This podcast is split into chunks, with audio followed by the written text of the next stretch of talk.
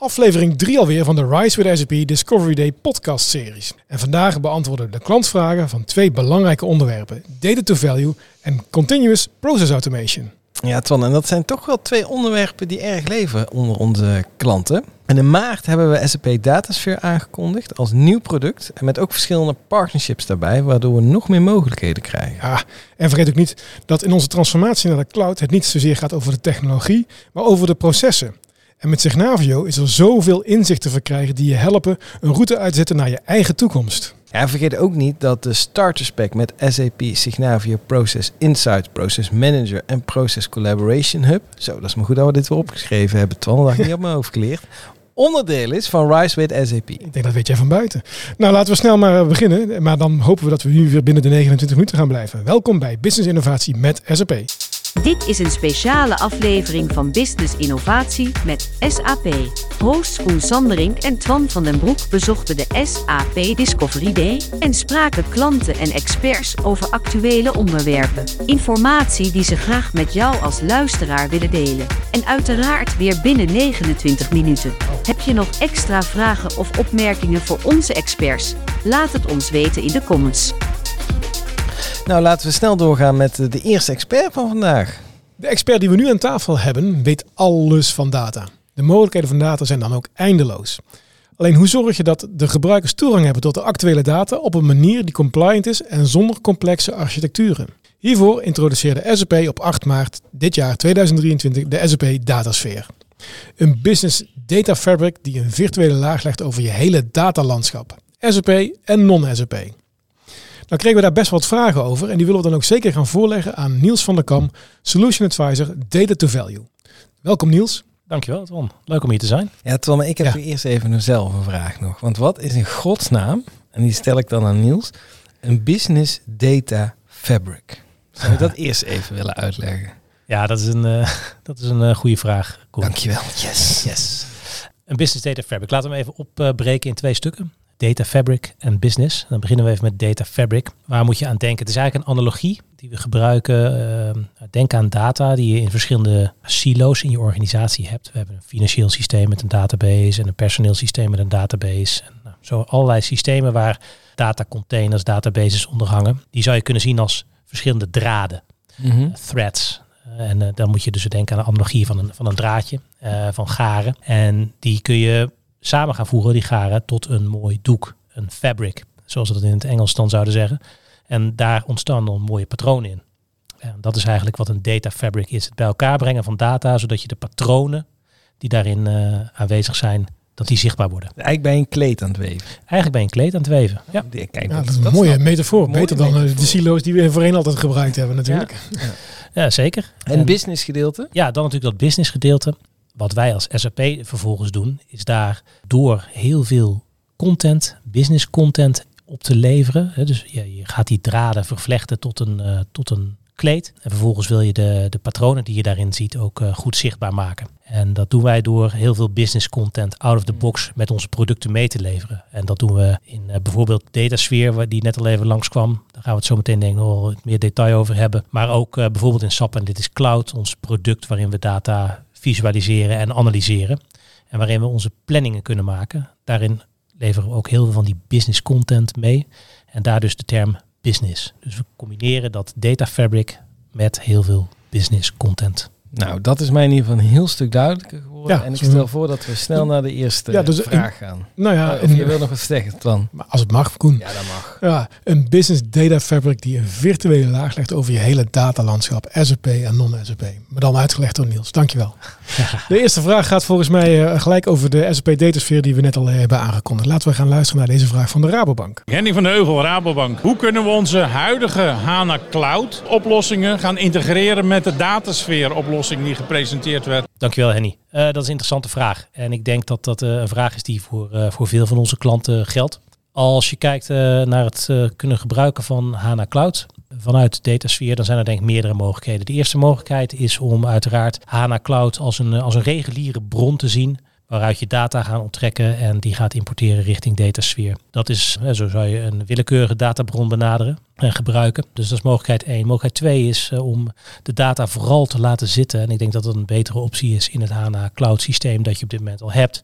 En die data vanuit DataSphere virtueel aan te spreken. Dat betekent eh, dat we de data dus gewoon in dat onderliggende HANA Cloud systeem laten liggen. En uh, virtuele laag creëren. En daar heb je die virtuele laag, Twan, uh, Ja. die net al twee keer langskwam vanuit Datasphere. En die de data oppakt op het moment uh, dat die nodig is uit die onderliggende HANA Cloud database. Het voorkomt dat we maar heen en weer blijven slepen met al die bakken met data. Dat voorkomt denk ik dat we heel erg eh, d- dat heen en weer slepen van data. En de komende jaar, anderhalf jaar, zullen we nog heel veel toevoegingen gaan doen aan, eh aan datasfeer die het ook makkelijk gaan maken om bijvoorbeeld het, eh, de bestaande modellen in HANA Cloud eh, her te gebruiken. En hoe zit dat met de performance? Want als je telkens die data moet gaan ophalen, zijn de databases heel snel. Maar ik kan me toch voorstellen dat je ergens een performance issue'tje hebt. hebt. Ja, wat je moet proberen te voorkomen is dat je dus heel veel detaildata gaat ophalen uit zo'n Mhm. HANA Cloud database. Maar je stelt, het mooie is eigenlijk dat je data gefedereerd aanspreekt.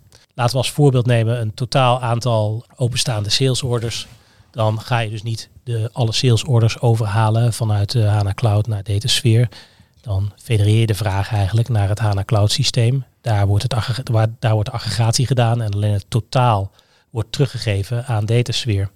Zo gaat er eigenlijk heel weinig data over de lijn en wordt de kracht van de HANA, data, van de HANA Cloud database eh, maximaal benut. En eh, voorkom je inderdaad dat je veel data moet overpompen om een, eh, om een vraag te beantwoorden in Datasphere. Oké, nou, Oké. netjes. De volgende vraag gaat, eh, dat is een eh, ingewikkelde vraag. Roadmap-vragen zijn altijd ingewikkeld. Dan eh, gaan, we eens vragen, gaan we eens kijken indekken op de toekomst van data intelligence. Nou ja, mijn vraag voor de experts van SAP die zijn: wat is de toekomst van de cloud data intelligence oplossing van jullie? Gezien alle nou ja, ontwikkelingen nu ook naar DataSphere. Gaan die naast elkaar bestaan? Wordt het uiteindelijk één oplossing? Goeie vraag, ook een lastige vraag. Voorlopig zullen producten gewoon zeker nog naast elkaar blijven bestaan. Dat komt ook omdat een aantal van de functionaliteiten die we in Data Intelligence Cloud beschikbaar hebben, ook nog niet in DataSphere beschikbaar zijn. Tegelijkertijd zie je dat eh, met de lancering van DataSphere op eh, 8 maart jongsleden ook al een aantal van de functionaliteiten waar Data Intelligence Cloud veel voor gebruikt werd. Bijvoorbeeld de- de replicatieflows, hè, waarbij we data, ruwe data van A naar B brengen. Dat die replicatieflows bijvoorbeeld al wel zijn opgenomen in het nieuwe SAP DataSphere product. Ja. En zo zul je zien dat er langzaam steeds meer functionaliteit gaat verhuizen van Data Intelligence Cloud naar DataSphere. Oké. En wat gebeurt er dan met data intelligence? Ja, dat betekent dat op termijn, denk ik, het Data Intelligence Cloud product volledig geïntegreerd zal gaan worden met SAP DataSphere. Dat is wel iets wat een roadmap heeft die, denk ik, een aantal jaren kent. Ook omdat deze replicatieflows, bijvoorbeeld waar we het net over hadden, er een vrij diverse functionaliteit in het Data Intelligence Cloud product zit. Eh, onder andere ook eh, data quality management bijvoorbeeld. Er zitten wat data science functionaliteit in het product. En ik denk dat er door product management goed gekeken gaat worden wat op welk moment en of bepaalde functionaliteit van Data Intelligence Cloud naar Data Sphere verhuisd gaat worden. Mhm. En de roadmap daarvan, ja, die is denk ik op dit moment eh, wordt die vormgegeven. En ik nodig iedereen ook vooral uit om dan eh, roadmaps.sap.com goed in de gaten te houden. Ik denk dat daar nu al heel veel verwijzingen zijn naar functionaliteiten die vanuit Data Intelligence Cloud richting Data Sphere gaan. En daar zullen in de toekomst eh, nog meer items aan eh, toegevoegd gaan worden. Oké, Duidelijk. nou, dat lijkt me duidelijk. En eh, weet je Niels, nu ik je toch spreken, wat ik me soms wel eens afvraag, en eh, als ik eerlijk ben, eh, heb ik dat nooit echt durven vragen, is hoeveel mensen of hoeveel bedrijven er nu echt gebruik maken van predictive analytics. En hoewel ik deze vraag nooit heb durven stellen, deed eh, onze klant Quirkus eh, dat wel. Ja, mijn naam is Ger Bekkers van de firma Querkjes. En ik ben reuze benieuwd in hoeverre dat SAP gebruikende bedrijven inderdaad straks ook daadwerkelijk gebruik gaan maken van eh, de predictive mogelijkheden die SAP gaat bieden. Laat ik daar twee antwoorden op geven. Het eerste Mag de antwoord. klant eh, zelf kiezen welke A of B? Ja, precies. Het eerste antwoord om, om echt rechtstreeks antwoord te geven op de vraag is alle bedrijven. Oh, En kijk. ja, dat is denk ik een duidelijke uitspraak. Ja. Ehm, en dat heeft te maken met het andere antwoord wat ik wil gaan geven. Heel veel bedrijven gebruiken al predictive algorithms in onze producten. Eh, zonder Dat, Standaard. ze- standaard, zonder Oh. dat ze het doorhebben. Maar kun je daar een voorbeeld van geven? Ja, zeker kan ik dat. Als je kijkt naar bijvoorbeeld ons S4HANA product, daarin zitten al heel veel slimme algoritmen verwerkt die je bijvoorbeeld helpen bij het eh, secuur invoeren van data. Ik kan een voorbeeld geven. We hebben bijvoorbeeld processen die je helpen bij het inlezen van facturen die binnenkomen in je organisatie. Die komen over het algemeen binnen op een centrale plek in de organisatie, een centrale e-mailbox. Voorheen werden die misschien met de hand geopend, met de hand verwerkt. Er werden de factuurregels werden ingeboekt in de verschillende regels in het S4 uh, of in de verschillende schermen van het uh, S4 product. Daarvoor hebben we allerlei slimme technologie. En dat zijn die machine learning, dat zijn die predictive algorithms, die bepalen voor jou, die pakken die facturen geautomatiseerd op vanuit die inbox. Die OCR'en hem, dus hè, dan hebben we het over plaatje naar tekstvertaling. En Mhm. vervolgens wordt op basis van uh, machine learning, predictive algorithms bepaald. Oké, wat zijn in deze tekst die ik nu gelezen heb uit, uh, uit deze factuur, wat zijn nou de factuurregels? Wat is het btw-tarief dat daarbij hoort? Wat, uh, wat is de valuta die daarbij hoort? En zo worden de verschillende factuurregels netjes ingeboekt. Hij interpreteert de tekst die die, die, Hij- die, die die gelezen heeft. Precies, hij interpreteert die tekst dus op basis van predictive uh, en van, van slimme, geavanceerde methodologieën. Dus ik denk dat zonder dat de mensen het doorhebben, zal heel vaak gebruik maken of geholpen worden door dit soort algoritmen. Nou, dat lijkt me een heel duidelijk antwoord. Dat is ook mooi hè, dat de technologie dan in het dienst staat van, van de mens, zonder dat je uiteindelijk over de technologie gaat. Maar het Ja. gaat over je proces. Ja, zonder dat je het door hebt. Ja, ja, Mooi. Ja. Volgende vraag is eigenlijk dat de realiteit dat veel van onze klanten maken ook gebruik van andere BI-tooling dan SAP. Hè. Dus uh, Mhm. de SAP doet veel BI, maar ook andere partijen zoals Power BI van Microsoft. Mhm. En daar kwam ook een vraag over. Ik zou graag willen weten hoe je de SAP-data kan ontsluiten naar andere tooling toe. Bijvoorbeeld een Power BI of een andere uh, BI-tool. En wat, hoe BTP daar een rol in kan spelen om dat uh, te doen. En of daar iets voor is. Daar kan BTP zeker een rol in spelen. Dat kan op allerlei manieren. Ik denk dat een van de meest makkelijke manieren is om uh, vanuit datasfeer kunnen data opgepakt worden rechtstreeks door Power BI bijvoorbeeld. Mhm. He, dus waarbij we met datasfeer data samenbrengen, al dan niet gevirtualiseerd. Dus kunnen we daar in datasfeer ook een wat we noemen een semantische laag met een uh, moeilijk woord overheen leggen. Dat mm -hmm. is een, uh, een, een, hele, een hele term, maar waar het, wat, wat eigenlijk inhoudt is een vertaalslag tussen de technische datatermen die we hebben in een database naar voor eindgebruikers begrijpelijke termen en objecten. Een eindgebruiker wordt niet geconfronteerd met die technische kolommen en variabelen in een database, maar ziet gewoon voor hem of haar begrijpelijke termen als medewerker of FTE of openstaand aantal. Puntje, puntje, puntje, bijvoorbeeld sales orders. In Power BI dan? Die modellen maken we dus in datasfeer en okay. de output daarvan kan gewoon opgepakt worden met Power BI. Oké, okay. Maar nu krijgen we, hebben we ook zelf uh, uh, SAC, hè? SAP Analytics uh, Cloud. Ja. Wanneer adviseer je nou klanten die al Power BI gebruiken om toch SAC te gaan gebruiken? Of zeg je van nou ja, dat... Nou, dat is een lastige vraag, Koen. Ik denk dat je, als je nu op dit moment Power BI gebruikt, dan is de vraag, dan moet je goed gaan kijken, is er een reden inderdaad om over te gaan naar, naar andere tooling? Wat ik wel altijd zou adviseren, als je een heel erg SAP-centrisch landschap hebt, om het maar zo te zeggen, dan zit er natuurlijk in al onze applicaties ook al embedded analytics, Mhm. zoals we het noemen. Binnen S4HANA, binnen SuccessFactors, binnen ons CX-portfolio. Daar zitten allemaal al standaard SAP Analytics Cloud embedded varianten in. Die operationele informatie geven aan jou als eindgebruiker. Dus daar gebruik je het sowieso al. Daar zitten standaard definities op basis van, de, van, van modellen die wij hebben ontwikkeld. Oké. Okay. Uh, al in. En diezelfde modellen die kun je ook weer gebruiken als jij over een aantal van die applicaties heen. Hè, want dat is vaak waarin je SAP, wanneer je SAP Cloud gaat inzetten. Wanneer je data uit bijvoorbeeld S4HANA wil combineren met data uit SuccessFactors. Ja, ja.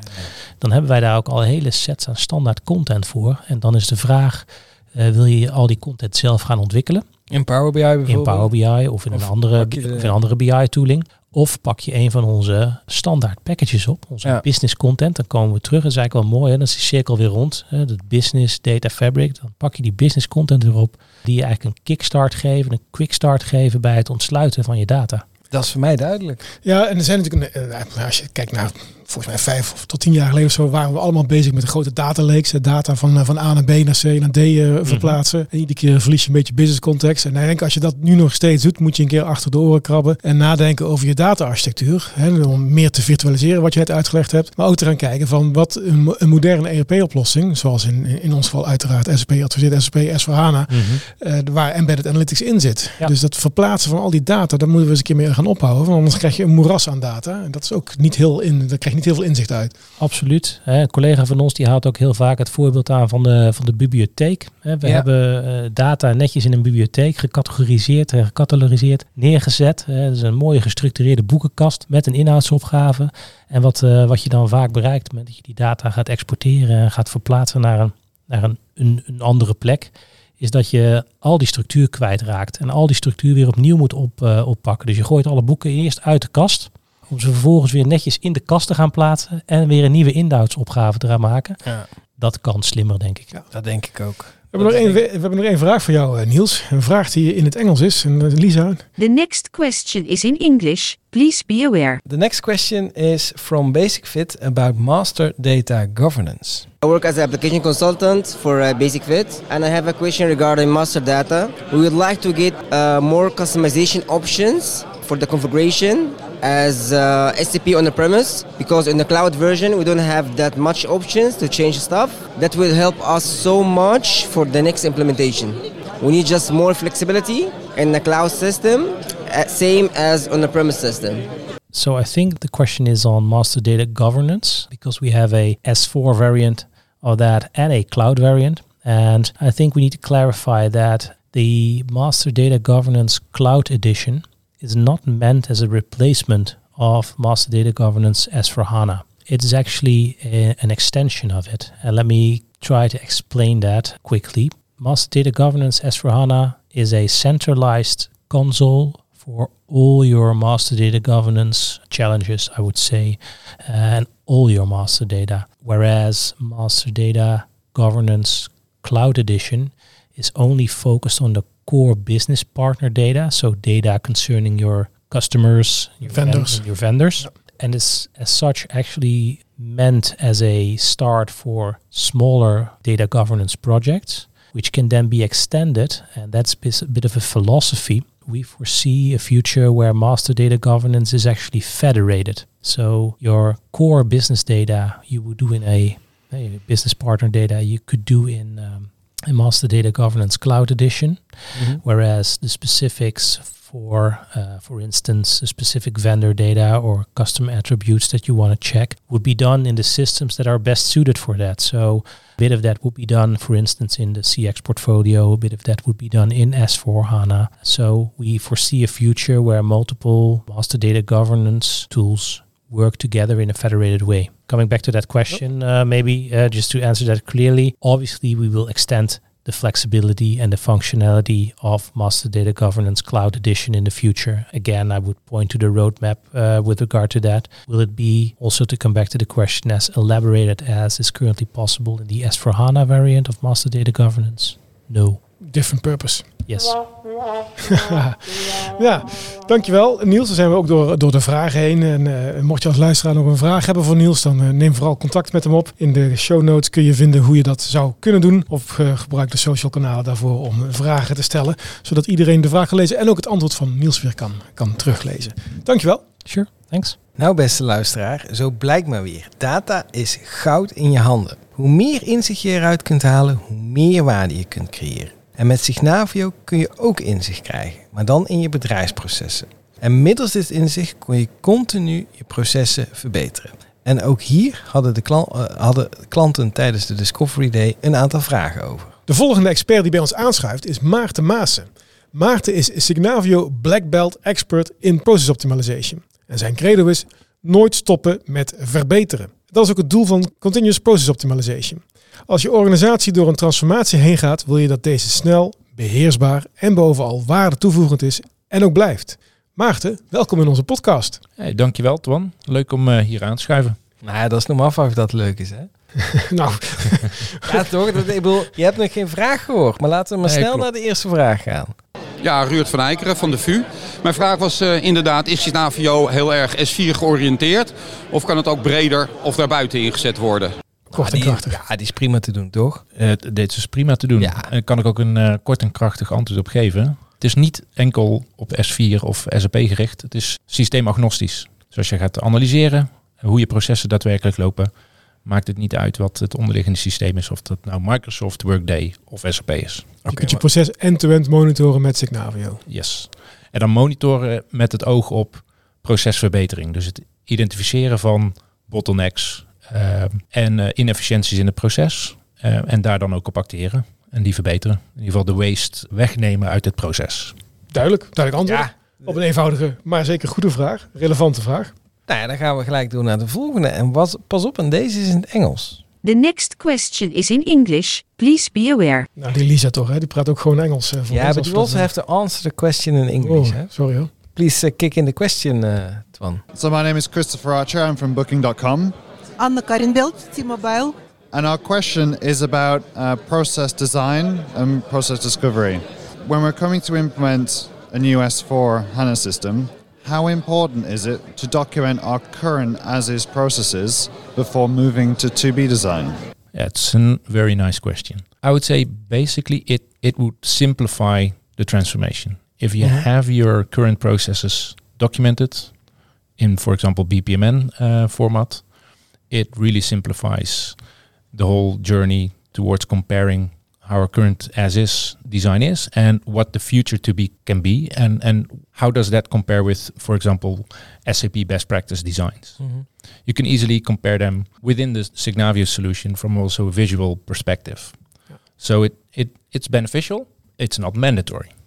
So if you don't have it, it's not it's not that you have to plan that first before you can go uh, continue with Signavio. Exactly. It's not an, a mandatory step. You could also consider mining your current process data um, and getting a view on how your current processes are run, and then automatically generate your diagrams or your design from that. Oh, that's a nice feature. So very, yeah, exactly. Because sometimes you think the process is running in a, in a way, but if you then analyze the real data, maybe some, you have some surprises. you will always have surprises. Yes. So actually, you can ask the system and analyze the system how processes are used, and then it will be shown in in in, in a flow diagram. Yeah. Is, is that Yeah. So by a click on a button, you can generate a process flow diagram from a mining exercise. Yes. I think it's a great starting point for if you start with process uh, investigation and, and that you have first to analyze your current processes, not only in theory, but in the practice, as you just explained. Yeah, it it's um, to use maybe a, a Dutch word. It removes the underbelly uh, feelings within Yeah. the project. Yeah. Yeah.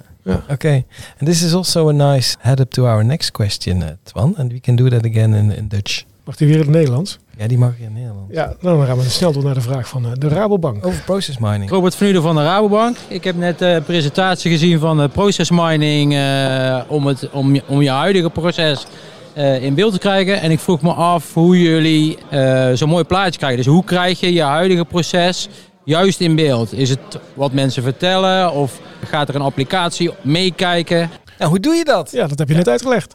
In het Engels. Nu nog een keer in het Nederlands dan. Nou, voor een klein beetje. Hè. Hij heeft aangeraakt. Hij heeft het helemaal uitgelegd. Dat klopt. Ehm, het is eigenlijk een combi van de twee. Ehm, gebruik mining om direct inzicht te krijgen in wat er nou daadwerkelijk in je systeem gebeurt. wel- Hoe je proces echt uitgevoerd Ja, wordt. ja, maar hoe doet hij dat? Ik bedoel, gaat hij kijken naar logfiles? Gaat hij gewoon door het systeem heen klikken? Kijkt hij, hoe doet hij? Kijkt hij naar data?